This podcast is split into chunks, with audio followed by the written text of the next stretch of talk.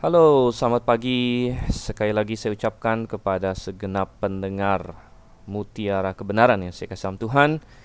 Bagaimana kabar sobat kebenaran sekalian? Saya harap Anda semua seperti bunyi firman Tuhan baik-baik saja, baik di dalam tubuh tapi terutama di dalam jiwa kita. Memang kesehatan tubuh itu penting, sudah kasih Tuhan. Namun kesehatan jiwa kita adalah hal yang jauh-jauh lebih penting daripada kesehatan tubuh kita.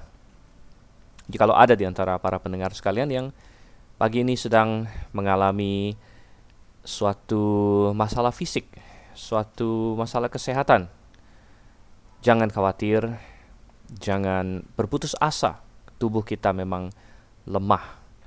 Namun, ya kita bisa berseru kepada Tuhan untuk menolong kita dan Tuhan bisa menolong kita dengan berbagai cara dan dalam berbagai uh, berbagai metode yang Tuhan bisa lakukan. Dan pada pagi hari ini, Surya Kasam Tuhan, kita ingin melanjutkan pembahasan kita mengenai firman Tuhan dalam acara Mutiara Kebenaran. Saya Dr. Stephen Einstein Liao. Saya melayani saat ini sebagai gembala sidang, salah satu gembala sidang di Grafe, GBIA Grafe ya, Gereja Baptis Independen Alkitabiah Grafe dan juga saya mengajar di Grafe International Theological Seminary. Oke, dan dalam acara Mutiara Kebenaran kita akan membahas satu uh, satu hari kira-kira satu pasal ya tentu karena acara ini awalnya dirancang untuk radio ya radio kita yaitu radio berita klasik namun belakangan acara ini bisa juga ditemukan mungkin di radio-radio lain ataupun dalam podcast ataupun uh, dalam bentuk rekaman saja. Jadi sebenarnya tidak harus Anda dengar uh, satu hari satu pasal saja, Anda boleh mendengarkan lebih dari itu. Tapi kalau Anda mau uh, konsisten atau Anda mau uh, katakanlah memiliki jadwal yang teratur, maka satu hari satu pasal adalah suatu hal yang baik. Oke, okay, dan kita sudah sampai di dalam kitab ulangan. Ya, kita sudah di ulangan pasalnya yang ke-13. Jadi mari kita bersama-sama kita buka di sana. Ulangan pasal 13. Saya harap Anda memiliki Alkitab bersama dengan Anda ketika Anda uh, mendengarkan rekaman ini. Dan pasal ini tidak terlalu panjang, saudara teman Ada 18 ayat. Jadi saya tidak tahu juga berapa lama waktu yang kita butuhkan untuk membahas keseluruhannya. Tetapi kalau saya pikir-pikir kalau kita gabung dengan pasal 14 juga jadinya agak sedikit terlalu panjang juga begitu. Jadi tidak apa-apa, kita akan membahas ulangan pasal 13 dan mungkin kita tidak akan menghabiskan full satu jam ya. Namun uh, satu jam itu kan hanya kira-kira saja. Namun ya kita coba saja. Mungkin memang ada banyak juga hal yang bisa dibahas. Ulangan pasal 13 ayat 1 sampai dengan ayat yang ke-18. Dan sebelum kita mulai membacanya, saya ajak kita semua untuk berdoa terlebih dahulu. Mari kita berdoa. Bapa kami yang di surga. Tuhan terima kasih untuk firman-Mu. Karena firman-Mu adalah satu-satunya hal yang absolut di dunia ini. Pegangan kami, sungguh betapa indah. Bahwa di dalam dunia yang tidak menentu, dalam dunia yang penuh dengan kekacauan, dalam dunia yang tidak memiliki uh, suatu jangkar yang pasti. Kami memilikinya Tuhan. Kami memiliki sesuatu yang absolut yang berasal dari Engkau di tangan kami bahkan, yaitu firman-Mu. Dan Tuhan, biarlah ajarlah kami untuk mengasihi firman-Mu lebih dan lebih dan lebih lagi. Karena firman-Mu mengajar kami, firman-Mu menjadi benteng bagi kami, benteng terhadap jiwa kami, benteng terhadap terhadap iman kami. Tolong Tuhan. Kami ingin belajar dari kitab ulangan, terutama pasal 13 pada pagi hari ini. Kau yang kira tolong dan sertai. Kami berdoa dalam nama Yesus Kristus. Amin. Oke, ulangan pasal 13. Dan kita akan baca, tadi saya bilang ada 18 ayat, kita akan baca um, coba kita baca ini ya, 5 ayat pertama dulu. Oke, ayat 1 sampai ayat 5. Demikian bunyi firman Tuhan, apabila di tengah-tengahmu muncul seorang nabi atau seorang pemimpi dan ia memberitahukan kepadamu suatu tanda atau muzizat.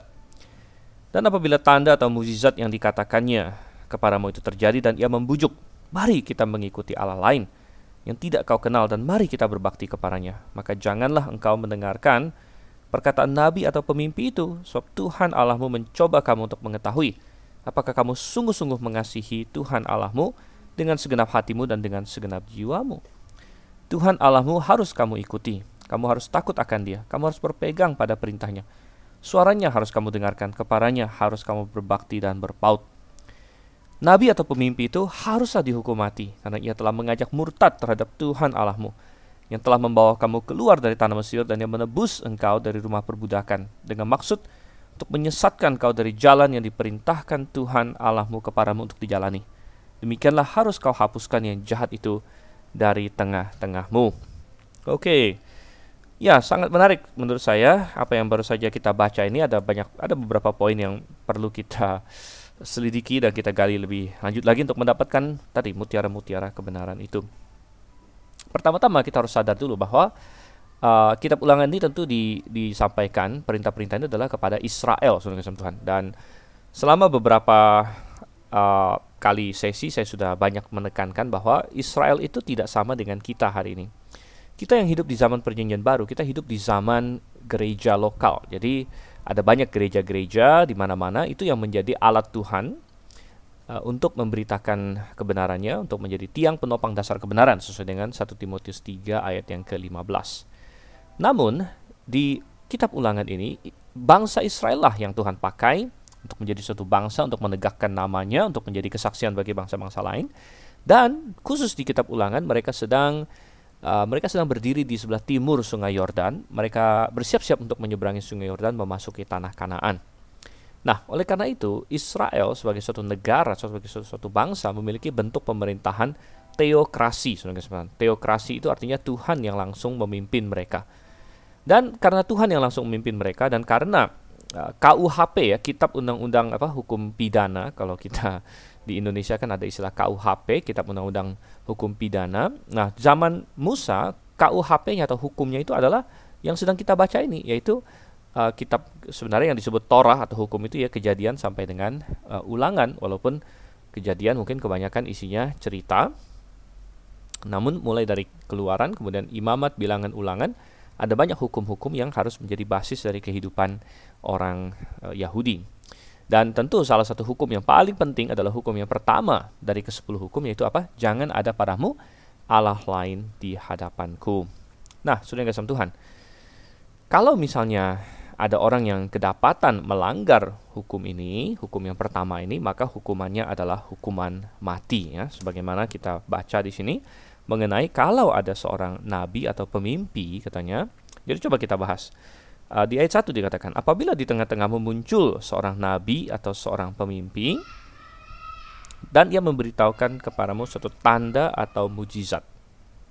Ya, jadi pertama-tama kita melihat bahwa pada masa itu tentunya masih ada yang namanya nabi atau pemimpi. Kadang-kadang Tuhan berbicara mengenai uh, atau melalui mimpi dan itu ada muncul beberapa kali di kitab Kejadian misalnya, ya, Tuhan berbicara kepada Yusuf melalui mimpi Tuhan bicara kepada Firaun melalui mimpi dan dan ada yang lain-lain lagi. Dan Tuhan juga memakai nabi dan itu semua adalah bagian dari yang kita sebut sebagai wahyu progresif, saudara Tuhan. Wahyu progresif artinya cara Tuhan berbicara kepada manusia itu berbeda-beda dari zaman ke zaman. Nah ini bisa kita dapatkan dari surat Ibrani. Coba kita lihat ya, Ibrani pasal 1 ayat 1 dan ayatnya yang kedua.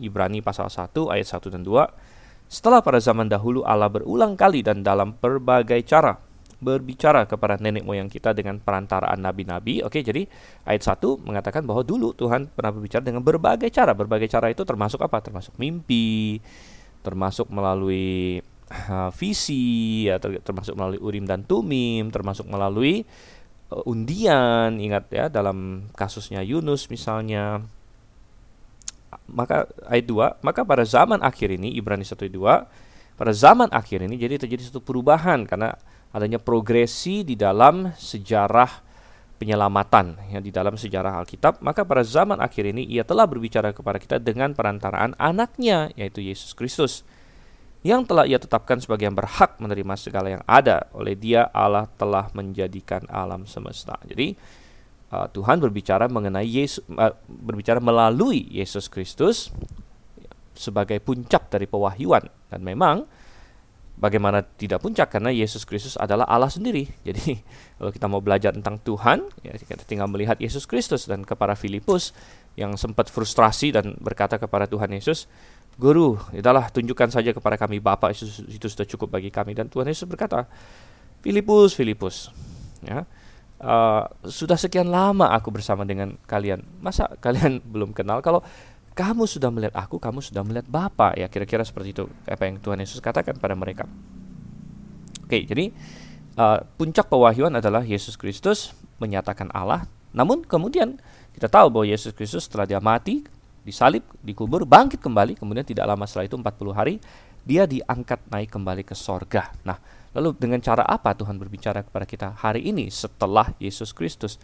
Dan jawabannya adalah melalui Alkitab sebenarnya, melalui firman Tuhan yang tertulis.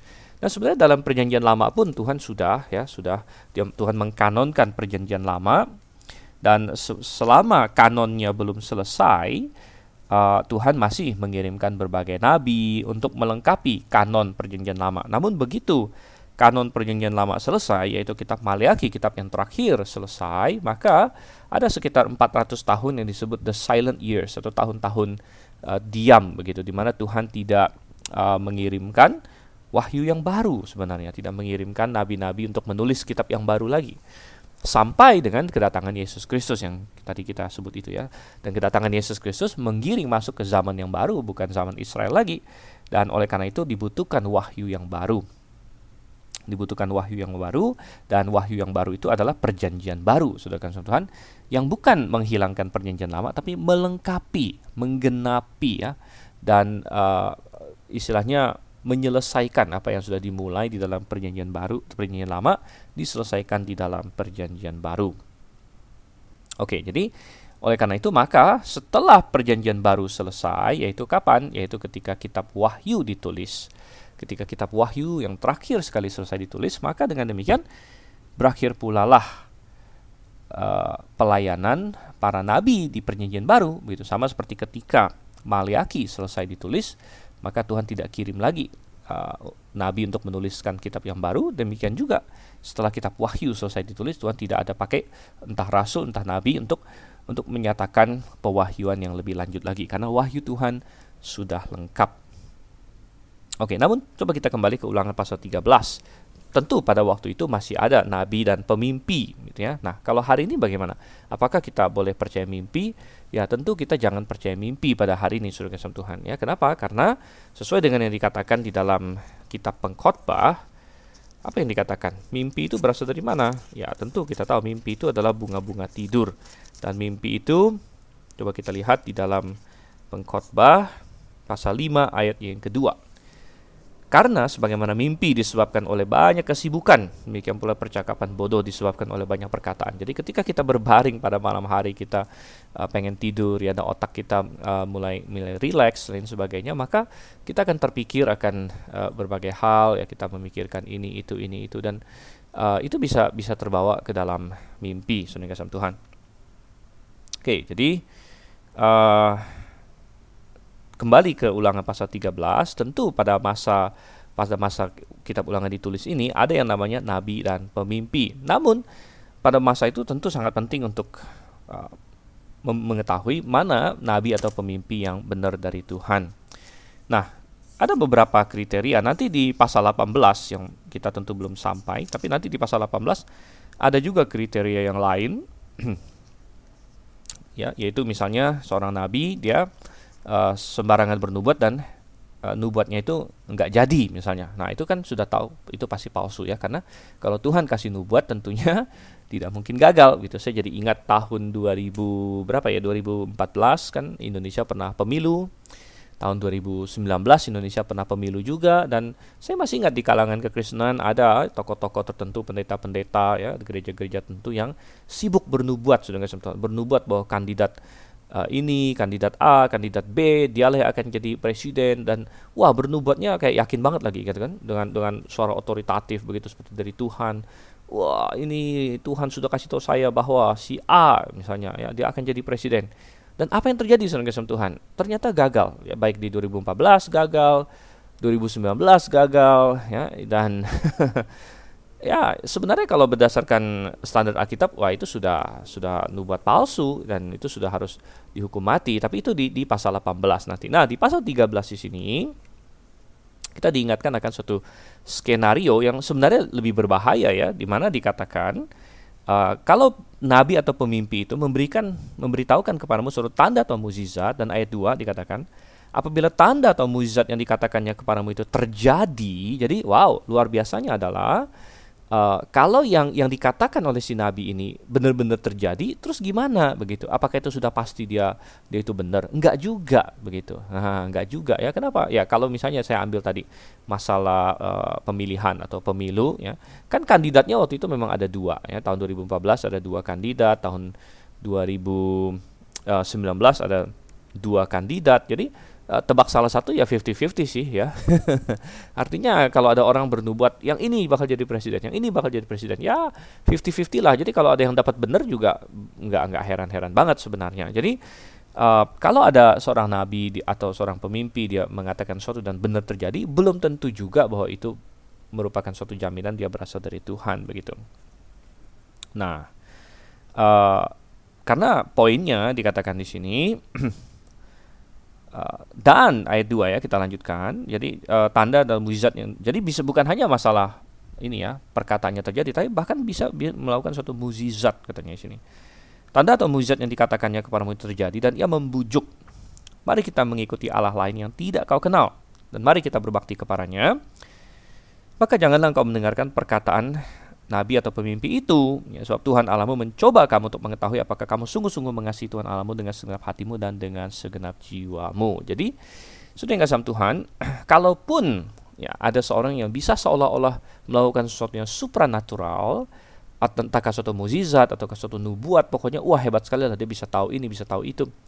Tapi kalau dia ya, e, mengajak kamu keluar dari dari Tuhan, maka jangan kamu ikutin di situ. Jangan kamu ikutin. Itu adalah Tuhan sedang menguji ya, mencoba kamu untuk mengetahui apakah kamu sungguh-sungguh mengasihi Tuhan Allahmu. Karena di ayat 4 dikatakan Tuhan Allahmu harus kamu ikuti. Kamu harus takut akan dia, kamu harus berpegang pada perintahnya. Suaranya harus kamu dengarkan kepadanya. Harus kamu berbakti dan berpaut.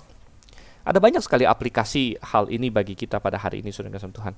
Saya, saya teringat beberapa hal ya. Misalnya, hal ini bisa diaplikasikan kalau misalnya um, katakanlah uh, kita bicara di luar kekristenan, ya di luar kekristenan kan ada banyak banyak orang yang katanya punya magic, ya. Ada dukun segala macam. Dan uh, sangat heran kadang-kadang ada orang yang katanya Kristen dalam tanda kutip Kristen tapi masih percaya begitu-begituan. Kadang-kadang kalau muncul kesusahan ya dia sakit lah atau kena masalah lah atau pokoknya segala macam eh dia cari dukun sudah nggak sama Tuhan dia cari dukun. Dan itu berarti apa? Berarti dia tidak berpaut kepada Tuhan dan Tuhan ah Tuhan akan sangat sedih sekali itu. Kenapa? Biasanya ya orang yang seperti itu sih orang yang belum diselamatkan. Saudara itu cuma Kristen KTP doang. Tapi kalau sampai ada anak Tuhan yang benar-benar anak Tuhan jatuh uh, ke dalam dosa seperti itu, tentu Tuhan akan sangat sedih begitu. Karena apa? Mungkin kita berkata, loh tapi bener loh ada yang bilang, wah kesaksiannya dukun ini bener-bener manjur katanya ya. Wah kalau dia suruh kamu begini, begitu, begini, begitu, bener-bener manjur. Nah, kita bilang tidak. ya Seharusnya kita bilang tidak. Sekalipun dia hebat, kalaupun benar dia punya kuasa supernatural, saya tidak tetap tidak akan percaya. Kenapa? Karena saya mau berpaut kepada Tuhan saya. Kalaupun benar si dukun ini bisa bikin saya kaya, sekalipun benar si dukun ini bisa bikin saya sembuh atau lain sebagainya, saya tidak akan percaya kepadanya, tidak akan minta bantuannya karena saya tahu perdukunan segala macam itu adalah kuasa kegelapan, okultik. Dan ini mengantar kita kepada satu poin yang ingin saya tekankan yaitu bahwa kita jangan pernah uh, tidak waspada dan jangan pernah kita lupa bahwa bukan hanya Tuhan yang bisa melakukan mukjizat, tetapi iblis juga bisa melakukan mukjizat. Oleh karena itu Tuhan mewanti-wanti. Jangan sampai kamu tertipu. Sekalipun ada yang bikin mukjizat, sekalipun ada yang bikin suatu tanda dan tandanya terjadi. Jangan. Oh, saudara di abad ke-21 ini kita hidup di tengah zaman ya. Banyak orang Kristen yang begitu terpukau kalau ada sesuatu yang supranatural, yang begitu wow, sepertinya dia matanya bersilau-silau. Padahal Alkitab sudah peringatkan. Coba kita buka 2 Tesalonika 2 ayatnya yang ke-9 dan yang ke-10 misalnya. Ini hanya satu contoh saja. Sebenarnya ada banyak ayat-ayat lain dalam Alkitab. Tapi 2 Tesalonika 2 ayat 9 dan 10, kedatangan si pendurhaka itu adalah pekerjaan iblis dan akan disertai rupa-rupa perbuatan ajaib, tanda-tanda dan mujizat-mujizat palsu.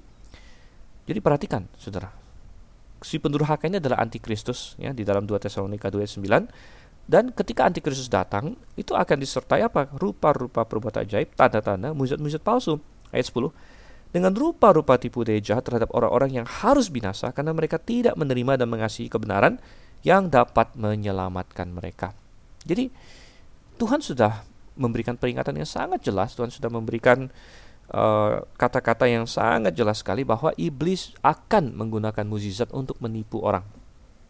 Dan sebenarnya di ulangan 13 ini ya ini adalah contoh contoh iblis atau kuasa kegelapan dia melakukan suatu tanda atau mukjizat tapi gunanya adalah untuk menipu menipu orang-orang dari jalan yang benar. Oleh karena itulah kalau tadi Anda teliti membaca 2 Tesalonika 2 tadi kan ada dikatakan apa? Uh, perbuatan rupa-rupa perbuatan ajaib, tanda-tanda dan mujizat-mujizat palsu katanya. Mujizat-mujizat palsu.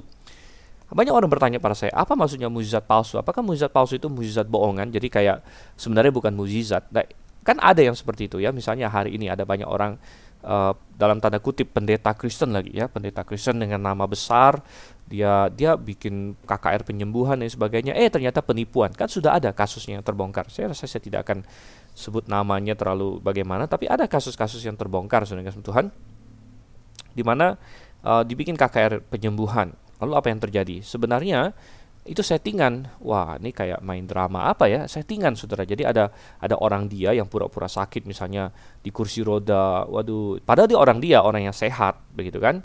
uh, di kursi roda lalu dia wah cerita lah kanker lah atau atau lumpuh lah atau apalah lalu disembuhkan wih itu langsung langsung lompat dari kursi rodanya nah kalau orang nggak tahu kan dia ketipu ya kalau orang nggak tahu dia merasa wah wah lihat nih luar biasa kuasa Tuhan ya. Orang yang tadinya lumpuh orang yang tadinya stroke orang yang tadinya kanker eh tiba-tiba apa bangkit lagi. Wah tapi belakangan ada ada banyak kasus-kasus yang terbongkar bahwa ternyata itu penipuan ya ternyata itu penipuan. Wah ternyata apa itu settingan sudah nggak Tuhan. Wah, seperti reality TV ya seperti ngeprank ya. Nah saya bukan mengatakan demikian karena saya tidak percaya Tuhan mampu menyembuhkan. Jangan salah jangan salah tanggap sudah nggak Tuhan jadi banyak orang salah tanggap dengan uh, pengajaran saya atau pengajaran di di GBI Grafe seolah-olah kita tidak percaya mukjizat oh saudara yang kasih Tuhan itu itu itu palsu. Itu tuduhan palsu itu fitnah. Kami adalah orang yang sangat percaya mukjizat. Saya percaya semua mukjizat yang ada dalam Alkitab. Ya, kalau orang liberal bahkan dia tidak percaya, dia nggak percaya uh, mukjizat-mukjizat dalam Alkitab. Saya percaya semua mukjizat dalam Alkitab. Dan saya percaya Tuhan masih melakukan mukjizat hari ini. Bukan hanya bisa, tapi masih melakukan mukjizat hari ini. Itu yang saya percaya. Tuhan masih melakukan mukjizat pada hari ini. Tetapi yang saya tidak percaya adalah bahwa Tuhan memberikan kepada orang-orang tertentu karunia melakukan mukjizat. Nah, ini bedanya. Saya percaya Tuhan masih melakukan mujizat hari ini. Camkan ya, camkan. Saya percaya Tuhan masih melakukan mujizat hari ini, tapi saya tidak percaya bahwa Tuhan memberikan kepada individu-individu tertentu karunia untuk melakukan mujizat. Mengapa?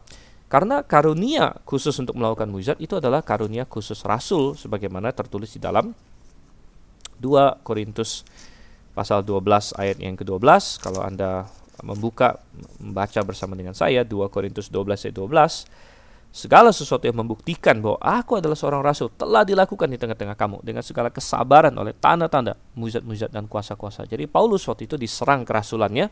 Ada orang-orang Korintus yang mulai terpengaruh karena musuh-musuh Paulus datanglah. Lalu mereka bilang, aduh kenapa kalian ikut Paulus, pengajaran Paulus begini, dia bukan rasul kok, dan lain sebagainya ya. Karena memang uh, Paulus kan punya punya latar belakang dia penganiaya jemaat. Jadi bisa saja orang menyerang dia. Wah, mana mungkin dia jadi rasul dan sebagainya. Tetapi Paulus bilang, saya ini rasul sudah dibuktikan. Apa buktinya? Buktinya adalah saya telah katanya apa? melakukan uh, pembuktiannya dilakukan di tengah-tengah kamu dengan segala kesabaran oleh tanda-tanda mujizat-mujizat dan kuasa-kuasa. Oleh sebab itu, itu berarti bahwa uh, karunia melakukan mujizat itu adalah tanda kerasulan karena membuktikan kerasulan ya. Kalau kalau yang bukan rasul bisa punya ini, maka tidak bisa membuktikan kerasulan Paulus. Tetapi Paulus anggap ini membuktikan kerasulan dia. Berarti hanya rasul yang memilikinya. Dan memang sangat hebat sekali. Uh, kita pernah baca di kisah para rasul bahwa sapu tangan Paulus bisa dibawa ke mana-mana sembuhkan orang, saudara. Sapu tangan dia, wow luar biasa ya. Bayangannya Petrus ya, seorang rasul yang lain. Kalau dia lewat bisa menyembuhkan orang. Itu karunia. Nah, saya tidak percaya itu ada lagi hari ini karena rasul sudah tidak ada. Rasul itu fondasi. Jadi tidak ada lagi rasul hari ini oleh karena itu tidak ada lagi orang yang punya karunia melakukan mukjizat. Namun saya sangat percaya bahwa Tuhan masih melakukan mukjizat.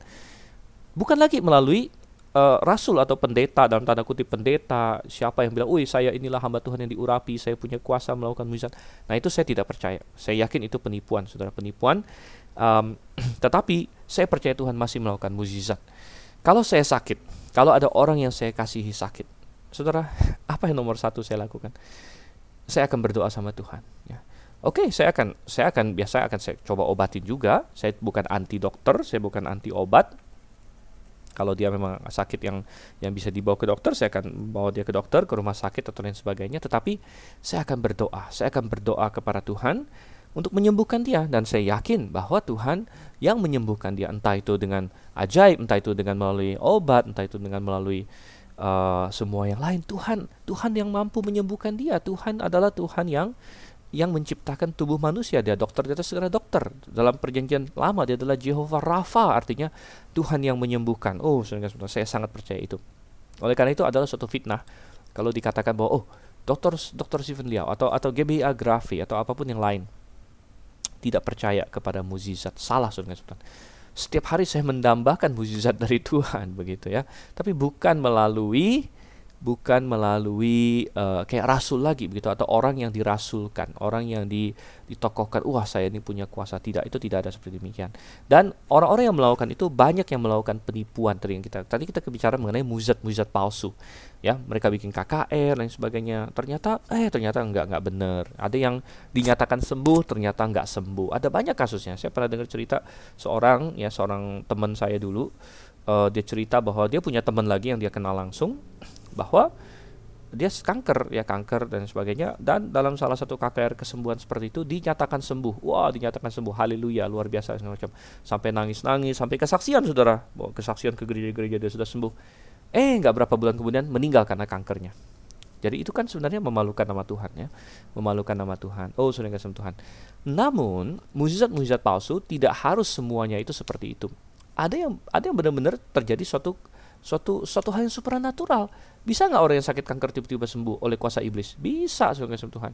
Tapi itu tetap disebut mujizat-mujizat palsu dan tanda-tanda palsu. Kenapa? Karena kalau mujizat yang asli yang dari Tuhan, ya, tanda yang asli, apa apa fungsi tanda? Jadi karena kadang disebut mujizat, kadang disebut tanda. Kalau di Injil Yohanes, dia konsisten memakai kata tanda yaitu semeion dalam bahasa aslinya. Karena mujizat itu punya fungsi untuk menunjuk kepada Tuhan sebenarnya. Kayak kayak di dalam perjalanan itu ada tanda menunjuk kepada sesuatu. Yesus Kristus melakukan mujizat untuk apa? Menunjukkan dia itu Mesias, membuktikan dia Mesias. Para rasul melakukan mujizat untuk apa? Membuktikan mereka rasul. Jadi semua itu tanda, tanda untuk menyatakan ini loh, ini something, ini Mesias atau ini rasul. Jadi kalau mujizat-mujizat palsu, dia tandanya tanda yang palsu, artinya dia menunjuk kepada sesuatu yang salah sebenarnya ya. Dia bukan memberikan informasi yang benar. Walaupun mujizatnya bisa jadi benar-benar memang mujizat, artinya memang sesuatu yang supernatural, bisa saja memang terjadi suatu kesembuhan atau suatu apalah. Kalau di kitab wahyu kita tahu antikristus nanti akan turunkan api dari langit lah ya bisa jadi tanda segala macam seperti itu. Namun uh, itu tetap disebut tanda-tanda palsu atau mujizat-mujizat palsu karena menunjuk kepada uh, pribadi yang salah bukan kepada pribadi Tuhan gitu ya. Dan kita jangan terlalu percaya seperti itu. Kita semua harus kita cocokkan dengan Alkitab. Makanya kita kembali ke ulangan pasal 13 di sini. Kalau ada seorang katanya nabi, pemimpi, bisa bikin mujizat dan sebagainya, tapi dia membujuk kamu mengikuti Allah lain, ya, maka jangan kamu ikut. Jadi kalau ada apa pun klaim-klaim yang supranatural tetapi melanggar Alkitab, tidak sesuai dengan Alkitab, jangan kamu percaya katanya. Jangan kamu percaya. Ya, itu itu uh, suatu hal yang yang sangat penting sekali Dan Alkitab mengatakan bahwa apa? Ya rasul sudah nggak ada lagi. Jadi kalau ada orang hari ini klaim dia rasul, lalu dia bikin mujizat dan sebagainya, kita percaya nggak? Jangan percaya saudara, karena Alkitab Alkitab mengatakan rasul dan nabi adalah fondasi Efesus 2:20 ya. Dan kalau kita baca setelah rasul mati tidak ada yang digantikan. Rasul pertama yang mati kan Yakobus. Ya, satu-satunya rasul yang digantikan itu Yudas, itu karena memang dia pengkhianat ya. Uh, dan dia digantikan itu sebelum hari Pentakosta. Tapi setelah hari Pentakosta, semua rasul sudah diberikan kuasa dan setelah kalau ada rasul yang mati, contoh rasul Yakobus di kisah rasul tidak digantikan oleh rasul yang lain.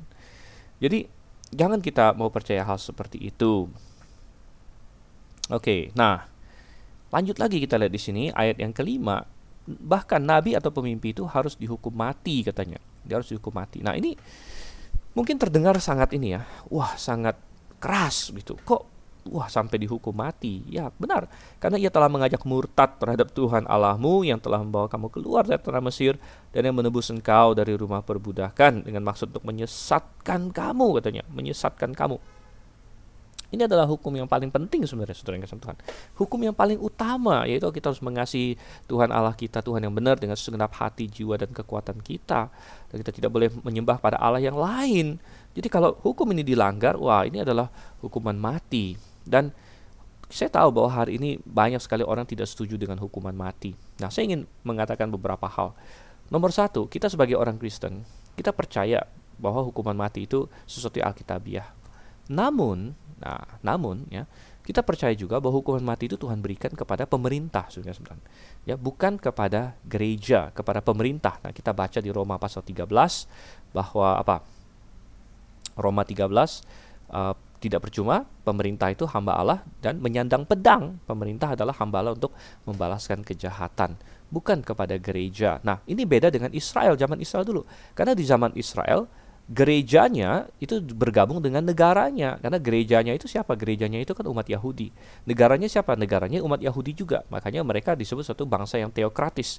Artinya seluruh bangsa itu semuanya agamanya sama dan uh, negaranya sama. Jadi satu negara satu agama. Jadi pergabungan antara negara dengan agamanya, negara dengan agama pergabungannya itu sempurna. Nah ini disebut juga istilah sacral society atau masyarakat kudus dianggap masyarakat kudus. Itu sistem yang berlaku di zaman Israel dan itu tidak berlaku lagi hari ini.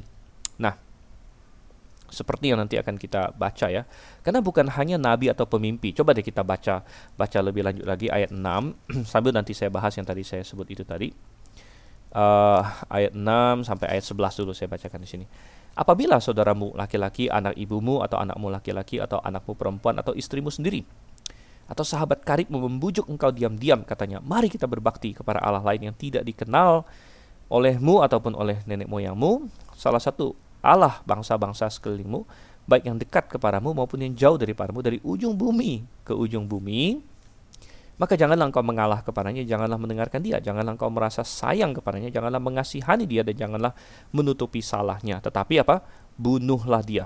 Pertama-tama tanganmu sendirilah yang bergerak untuk membunuh dia dan e, kemudian seluruh rakyat. Engkau harus melempari dia dengan batu sehingga mati karena ia telah berikhtiar menyesatkan engkau daripada Tuhan Allahmu yang telah membawa engkau keluar dari tanah Mesir dari rumah perbudakan.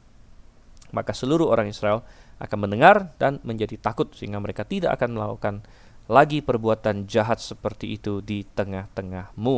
Oke, jadi kita melihat di sini um, prinsip yang sama. Kalau di ayat 5 kalau ada nabi segala macam yang mengajak murtad ya dia harus dihukum mati. Ayat 6 dan seterusnya ini lebih general lagi. Tidak harus seorang nabi seorang pemimpi siapa pun juga bahkan orang-orang terdekat dengan engkau. Katanya ya saudaramu laki-laki ya uh, anakmu katanya.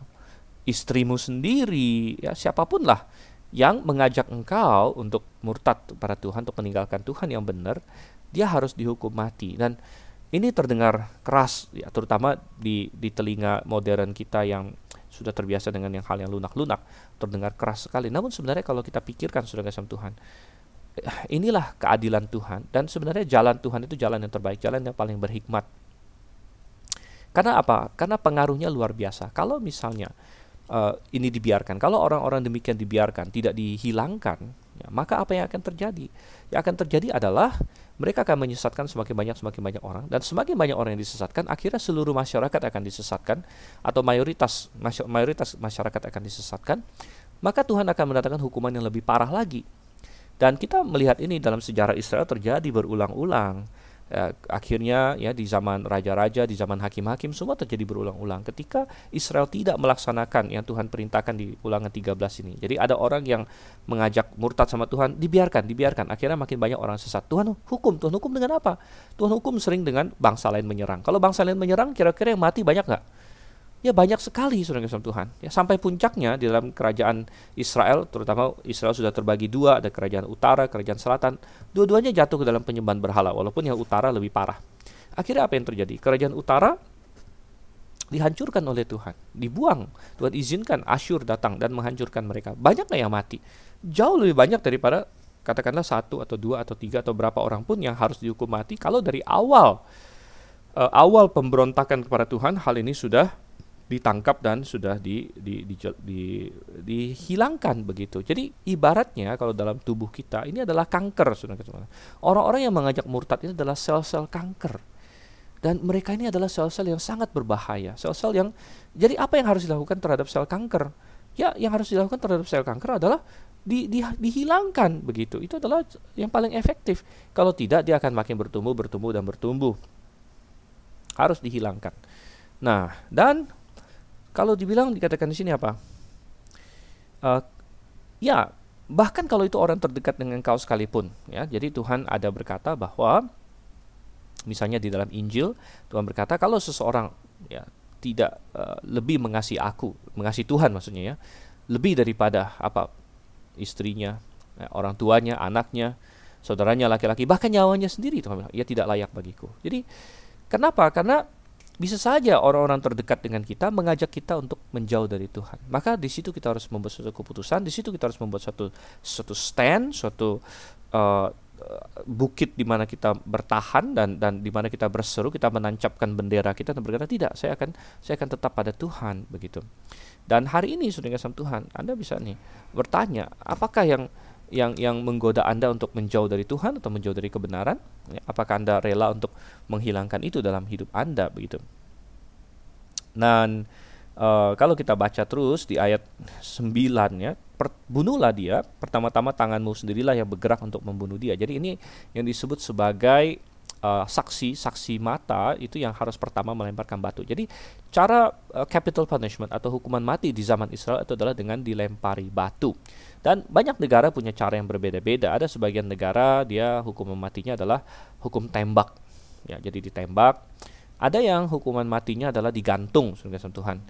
Ada yang hukuman matinya di kursi listrik ya, di Amerika. Bahkan sekarang makin canggih hukuman matinya adalah di injeksi, diinjeksi jadi di disuntik ya sampai mati. Dan sudah kasih Tuhan, um, ya kenapa? Ya terutama karena apa? Banyak orang hari ini nomor satu banyak orang yang sudah sangat tidak setuju dengan hukuman mati. Jadi mereka melobi habis-habisan supaya hukuman mati dihilangkan. Lalu nomor dua ada yang mengatakan hukuman mati harus dalam tanda kutip lebih manusiawi lah gitu ya supaya yang bersangkutan tidak begitu menderita supaya yang bersangkutan tidak uh, tidak kesakitan. Jadi akhirnya hukuman matinya dengan disuntik. Jadi nggak nggak merasa apa-apa kan disuntik mati udah lewat begitu. Ya tetapi tidak demikian di zaman itu. Dan di zaman itu hukuman matinya di Israel adalah dengan dilempar batu dan salah satu fungsinya adalah apa? Untuk membuat orang lain menjadi takut kata di ayat 11. Seluruh orang Israel akan mendengar dan akan menjadi takut. Jadi ada faktor deteran. Ada faktor untuk mencegah. Nah, banyak orang yang anti hukuman mati, mereka berargumen bahwa hukuman mati tidak memiliki uh, faktor deterrent, faktor deterrent atau tidak tidak membuat orang lain uh, tidak tidak mau melakukan hal yang sama namun itu adalah argumen yang error karena Alkitab dengan jelas mengatakan bahwa kalau hukuman mati dilaksanakan dengan tepat dan benar maka itu akan memiliki faktor deterrent atau faktor membuat orang lain takut melakukan kesalahan yang sama begitu.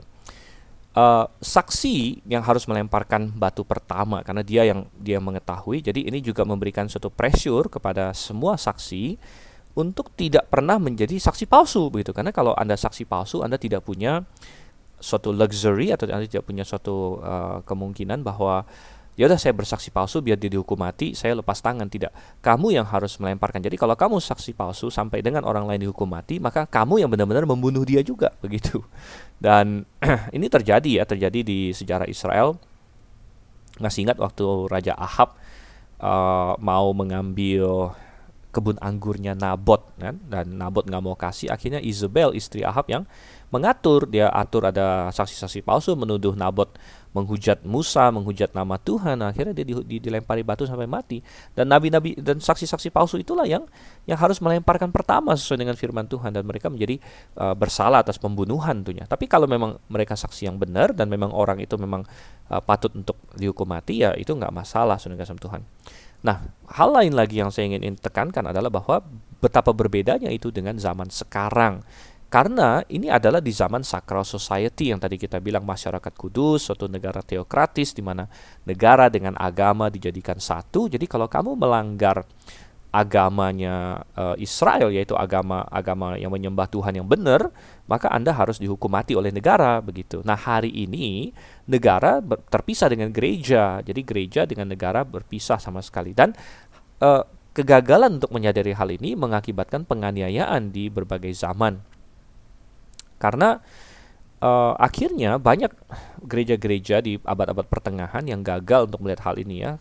Misalnya gereja Katolik, gereja Katolik uh, masih pengen melakukan sacral society karena mereka waktu itu makanya disebut gereja Roma Katolik ya. Kenapa disebut gereja Roma Katolik? Kamu kok ada Romanya? Karena gereja Katolik waktu itu menguasai keseluruhan kerajaan Roma. Jadi seolah bergabung. Nah, ini penggabungan ini sudah dimulai disemai di zamannya Konstantin yaitu kaisar pertama yang menjadi Kristen. Akhirnya dia mulai usaha-usaha untuk menggabungkan gereja dengan negara dan selama beberapa ratus tahun kemudian akhirnya berhasil. Sehingga uh, dianggap bahwa eh, hukum-hukum gereja itu menjadi hukum negara juga dan akhirnya ada orang yang dianggap sesat, dianggap penyesat oleh gereja dihukum mati oleh negara pada waktu itu. Dan yang akhirnya mengakibatkan penganiayaan karena ada begitu banyak orang yang tidak setuju dengan doktrin-doktrin eh, Katolik yang makin lama makin kacau dihukum mati, dihukum mati ya. Dan ketika ada orang yang mau memisahkan diri, diinkuisisi dan sebagainya. Nah, ini suatu kesalahan. Bahkan setelah terjadi reformasi pun sempat kesalahan ini masih masih sedikit ada ya di mana beberapa orang tokoh-tokoh reformator uh, masih belum terbukakan pikirannya mengenai hal ini begitu. Uh, Calvin misalnya di kota Jenewa masih menyetujui dan mendukung kalau ada orang yang dianggap sesat dihukum mati gitu. Jadi seolah-olah kota Jenewa itu masih masuk ke dalam suatu sistem teokrasi atau suatu sistem sacral society begitu. Uh, demikian juga sempat di Inggris ya waktu waktu Anglikan ya mereka kan memisahkan diri dari Roma begitu. Dan uh, ada kaum kaum yang yang yang separatis bukan separatis negara tapi maksudnya tidak mau bergabung dengan gereja gereja Inggris ya. Mereka mau punya gereja mereka sendiri. Dan itu sempat dianiaya juga dan ada yang dihukum mati dan lain sebagainya saudara Tuhan. Dan itu adalah semua ada dalam catatan. Dan kaum baptis lah yang menjadi pelopor karena kaum baptis selalu punya punya suatu konsep liberty of the soul atau soul liberty kebebasan tiap-tiap orang untuk memeluk kepercayaannya dan ini cocok dengan perjanjian baru. Kalau dalam perjanjian lama ada penyesat, dia harus dihukum mati. Kenapa? Karena penyesat itu kan bagian dari negara. Ya, dia dia bagian dari masyarakat. Nggak mungkin dong dia uh, oh kamu ini uh, ya nggak ya intinya dia sudah orang Israel begitu kan atau dia ada di Israel. Tapi kalau di perjanjian baru Solusinya bukan itu. Kalau ada penyesat di dalam perjanjian baru, apa yang harus dilakukan? Dia harus dijauhi, dia harus dikucilkan, ya kan? Makanya misalnya di Roma 16 ayat 17, Roma 16 ayat 17. Tetapi aku menasihatkan kamu saudara-saudara supaya kamu waspada terhadap mereka yang bertentangan dengan pengajaran yang telah kamu terima menimbulkan perpecahan dan godaan. So itu hindarilah mereka. Tidak dikatakan tangkaplah mereka hukum mati, lempari batu, tidak. Tapi apa? Hindarilah mereka. Kalau ada yang berbuat jahat di dalam jemaat, apa yang dilakukan? 1 Korintus 5 ayat 13. 1 Korintus 5 ayat 13. Mereka yang berada di luar jemaat akan dihakimi Allah, usirlah orang yang melakukan kejahatan dari tengah-tengah kamu. Jadi dalam sistem jemaat, kalau ada yang berbuat salah, entah itu dosa dosa doktrinal, dosa moral, ya paling jemaat mengeluarkan mereka atau mengusir mereka dari jemaat. Jadi jemaat tidak punya kuasa uh, kuasa pemerintah dan tidak boleh menggunakan kuasa pemerintah untuk mempersekusi atau untuk menganiaya orang yang dianggap berbeda dengan mereka begitu. Jadi ini prinsipnya di dalam perjanjian baru. Di dalam perjanjian lama sacral society uh, agama dengan negara bergabung menjadi satu maka kalau ada penyesat apalagi yang mau uh, mengajak murtad dari Tuhan itu harus dibunuh gitu tapi di perjanjian baru uh, kalau ada penyesat bukan dibunuh tapi dihindari diseparasi. Nah, ini yang juga jarang dilakukan. Ada banyak orang yang banyak gereja hari ini yang tidak mau melakukan separasi. Jadi dia biarin-biarin aja begitu. Ada penyesat pun biarin aja begitu kan. Apalagi uh, apa seruannya hari ini kan ekumene katanya. Ekumene. Wah aku tak pandang pengajaranmu apa segala macam gandeng tangan segala macam. Nah ini ini kacau sebenarnya Tuhan ini kacau. Ini tidak melakukan separasi. Akhirnya apa? Akhirnya penyesatan akan makin bertumbuh bertumbuh bertumbuh bertumbuh begitu. Nah kita tidak dipanggil untuk menganiaya orang yang yang kita anggap sesat atau untuk membunuh mereka tentu tidak. Kita hidup di zaman perjanjian baru. Kita dipanggil untuk untuk menseparasi dari mereka, untuk memisahkan diri dari mereka, untuk menolak mereka, bukan untuk bergandengan tangan dan lalu uh, baik-baikan dengan mereka gitu ya. Oke, lanjut lagi di ayat 12 sampai ayat 18. Apabila di salah satu kota yang diberikan Tuhan Allahmu kepadamu untuk diam di sana kau dengar orang berkata, ada orang-orang dursila tampil dari tengah-tengahmu yang telah menyesatkan penduduk kota mereka dengan berkata, Mari kita berbakti kepada Allah lain yang tidak kamu kenal, maka haruslah engkau memeriksa, menyelidiki dan menanyakan baik-baik. Jikalau ternyata benar dan sudah pasti bahwa kekejian itu dilakukan di tengah-tengahmu, maka bunuhlah dengan mata pedang penduduk kota itu dan tumpaslah dengan mata pedang kota itu serta segala isinya dan hewannya. Seluruh jarahan harus kau kumpulkan di tengah-tengah lapangan dan harus kau bakar habis kota dengan seluruh jarahan itu. Sebagai korban bakaran yang lengkap bagi Tuhan Allahmu semuanya itu akan tetap menjadi timbunan puing untuk selamanya dan tidak akan dibangun kembali. Dari barang-barang yang dikhususkan itu janganlah apa pun melekat pada tanganmu supaya Tuhan berhenti dari murkanya bernyala-nyala itu menunjukkan belas kasihannya kepadamu Mengasihani engkau dan membuat jumlahmu banyak seperti yang dijanjikannya dengan sumpah kepada nenek moyangmu. Sebab dengan demikian engkau mendengarkan suara Tuhan Allahmu untuk berpegang pada segala perintahnya yang kusampaikan kepadamu pada hari ini dengan melakukan apa yang benar di mata Tuhan Allahmu. Oke, jadi sekarang skalanya diperbesar lagi. Tadi individu-individu tertentu, sekarang kalau misalnya ada kota, ada kota yang uh, menyimpang dari Tuhan. Dan dan ada ada orang-orang dursila di sana dikatakan ya yang menyesatkan penduduk kota dan mulai mulai uh, mau menyembah Allah yang lain. Maka apa yang harus dilakukan? Nomor satu ayat 14 harus engkau memeriksa dan menyelidiki menanyakan baik-baik. Jadi memang sebelum ada hukuman mati harus ada penyelidikan ya harus ada pemeriksaan yang teliti. Dan ini dalam segala kasus itu berlaku. Salah satu poin yang sering disuruh-suruhkan oleh orang-orang yang anti hukuman mati adalah bahwa ada cukup banyak persentase katanya yang salah uh, salah hukum begitu ya. Jadi orangnya sudah tidak bersalah namun eh karena karena mungkin polisinya kurang pintar atau atau lain sebagainya atau ada atau difitnah orang akhirnya orang yang tidak bersalah yang ditangkap kemudian sampai dihukum mati. Bisa nggak ada kasus seperti itu? Ya mungkin bisa-bisa saja. Tapi saudara kesem Tuhan, itu bisa terjadi dalam segala kasus. Orang bisa salah di penjara, orang bisa salah di denda. Jadi ada banyak banyak ketidakadilan di dunia ini. Namun itu tidak berarti bahwa kita harus menghilangkan semua bentuk hukuman itu, ya. Um, dan hukuman mati uh, sebenarnya harus hanya boleh diberikan kalau ada suatu keyakinan yang sangat pasti, ya, keyakinan yang sangat pasti. Dan dia harus diselidiki dulu katanya. Kalau memeriksa menyelidiki benar nggak sih kota ini uh, jangan-jangan uh, cuma beberapa orang di kota tersebut atau seluruh kota itu dan sebagainya. Uh, dan Uh, mungkin kita bertanya, bagaimana kalau ada orang-orang benar di kota itu? Ya mestinya orang-orang benar di kota itu mereka berseru. Kalau mereka melihat ada penyembahan berhala di kota itu, mestinya mereka berseru. Eh nggak boleh ini dan sebagainya, ya kan? Uh, nah, tapi kadang-kadang kan manusia takut. Wah kalau kita ngomong nanti kita dikucilkan dan sebagainya. Um, ya kadang-kadang dalam bahasa Inggris kan ada suatu pepatah ya. They say silence is golden but sometimes it is plain yellow katanya ya. Jadi uh, ada pepatah katanya bahwa diam itu emas. Ya, namun kadang-kadang diam itu bukan emas, tapi diam itu ya, kuning biasa. Ada kuning itu dalam bahasa Inggris itu idiom untuk takut gitu ya. Jadi uh, kalau orang ketakutan tuh jadi kayak mukanya mungkin jadi kuning, jadi pucat gitu. Jadi uh, ya memang ada waktunya kita diem nggak usah ngomong apa-apa tapi ada juga waktunya kita bersuara ya ketika kita melihat kejahatan di sekeliling kita Apalagi kejahatan yang seperti ini ya di Israel di mana ada ada meninggalkan Tuhan, menyembah berhala. Oh, kalau ada orang benar di kota itu, dia harus berseru, dia harus berteriak, wow ini nggak benar ini, dia harus kasih tahu dan uh, walaupun konsekuensinya ada nggak, ya konsekuensinya bisa dia dia bisa bisa dikucilkan atau bisa lebih parah, bisa bisa di, diserang atau atau bahkan dibunuh. Tetapi ingat bahwa kita uh, kita harus lebih mengasihi Tuhan daripada nyawa kita sendiri. Ya. Dan saya tahu sebagai manusia ini ini hal yang apa ya tidak natural bagi kita karena semua orang yang lahir punya suatu insting untuk bertahan hidup. Ya, dan itu insting yang bagus dalam dalam banyak hal begitu ya. Karena kalau kita tidak punya insting bertahan hidup ya kita kita akan ya tidak ada tidak ada daya juang gitu kan tidak ada daya juang tidak ada uh, justru kadang-kadang memang uh, insting untuk mau tetap hidup itulah yang membuat manusia berjuang di tengah-tengah kesulitan di tengah-tengah itu tuh bagus tetapi sering sama Tuhan uh, kita diingatkan bahwa uh, ada sesuatu yang rohani yang yang melebihi itu yaitu mengasihi Tuhan. Tuhan harus melebihi uh, insting kita bahkan ya sesuatu yang jasmani yang, yang bagus sebenarnya. Kita punya insting untuk mempertahankan hidup itu bagus. Kalau enggak kalau ada mobil datang mau nabrak kita kan kalau kita nggak punya insting hidup ya itu kita diam aja gitu. Tapi kalau kita punya insting hidup insting mempertahankan hidup kalau ada ada ada kereta jatuh wing kita wah kita wah kayak kita mau kena maka kita akan segera kayak lompat atau lain sebagainya dan itu insting yang bagus kita mau bertahan hidup namun sudah kasih Tuhan kita jangan sampai mau bertahan hidup melebihi kita mengasihi Tuhan.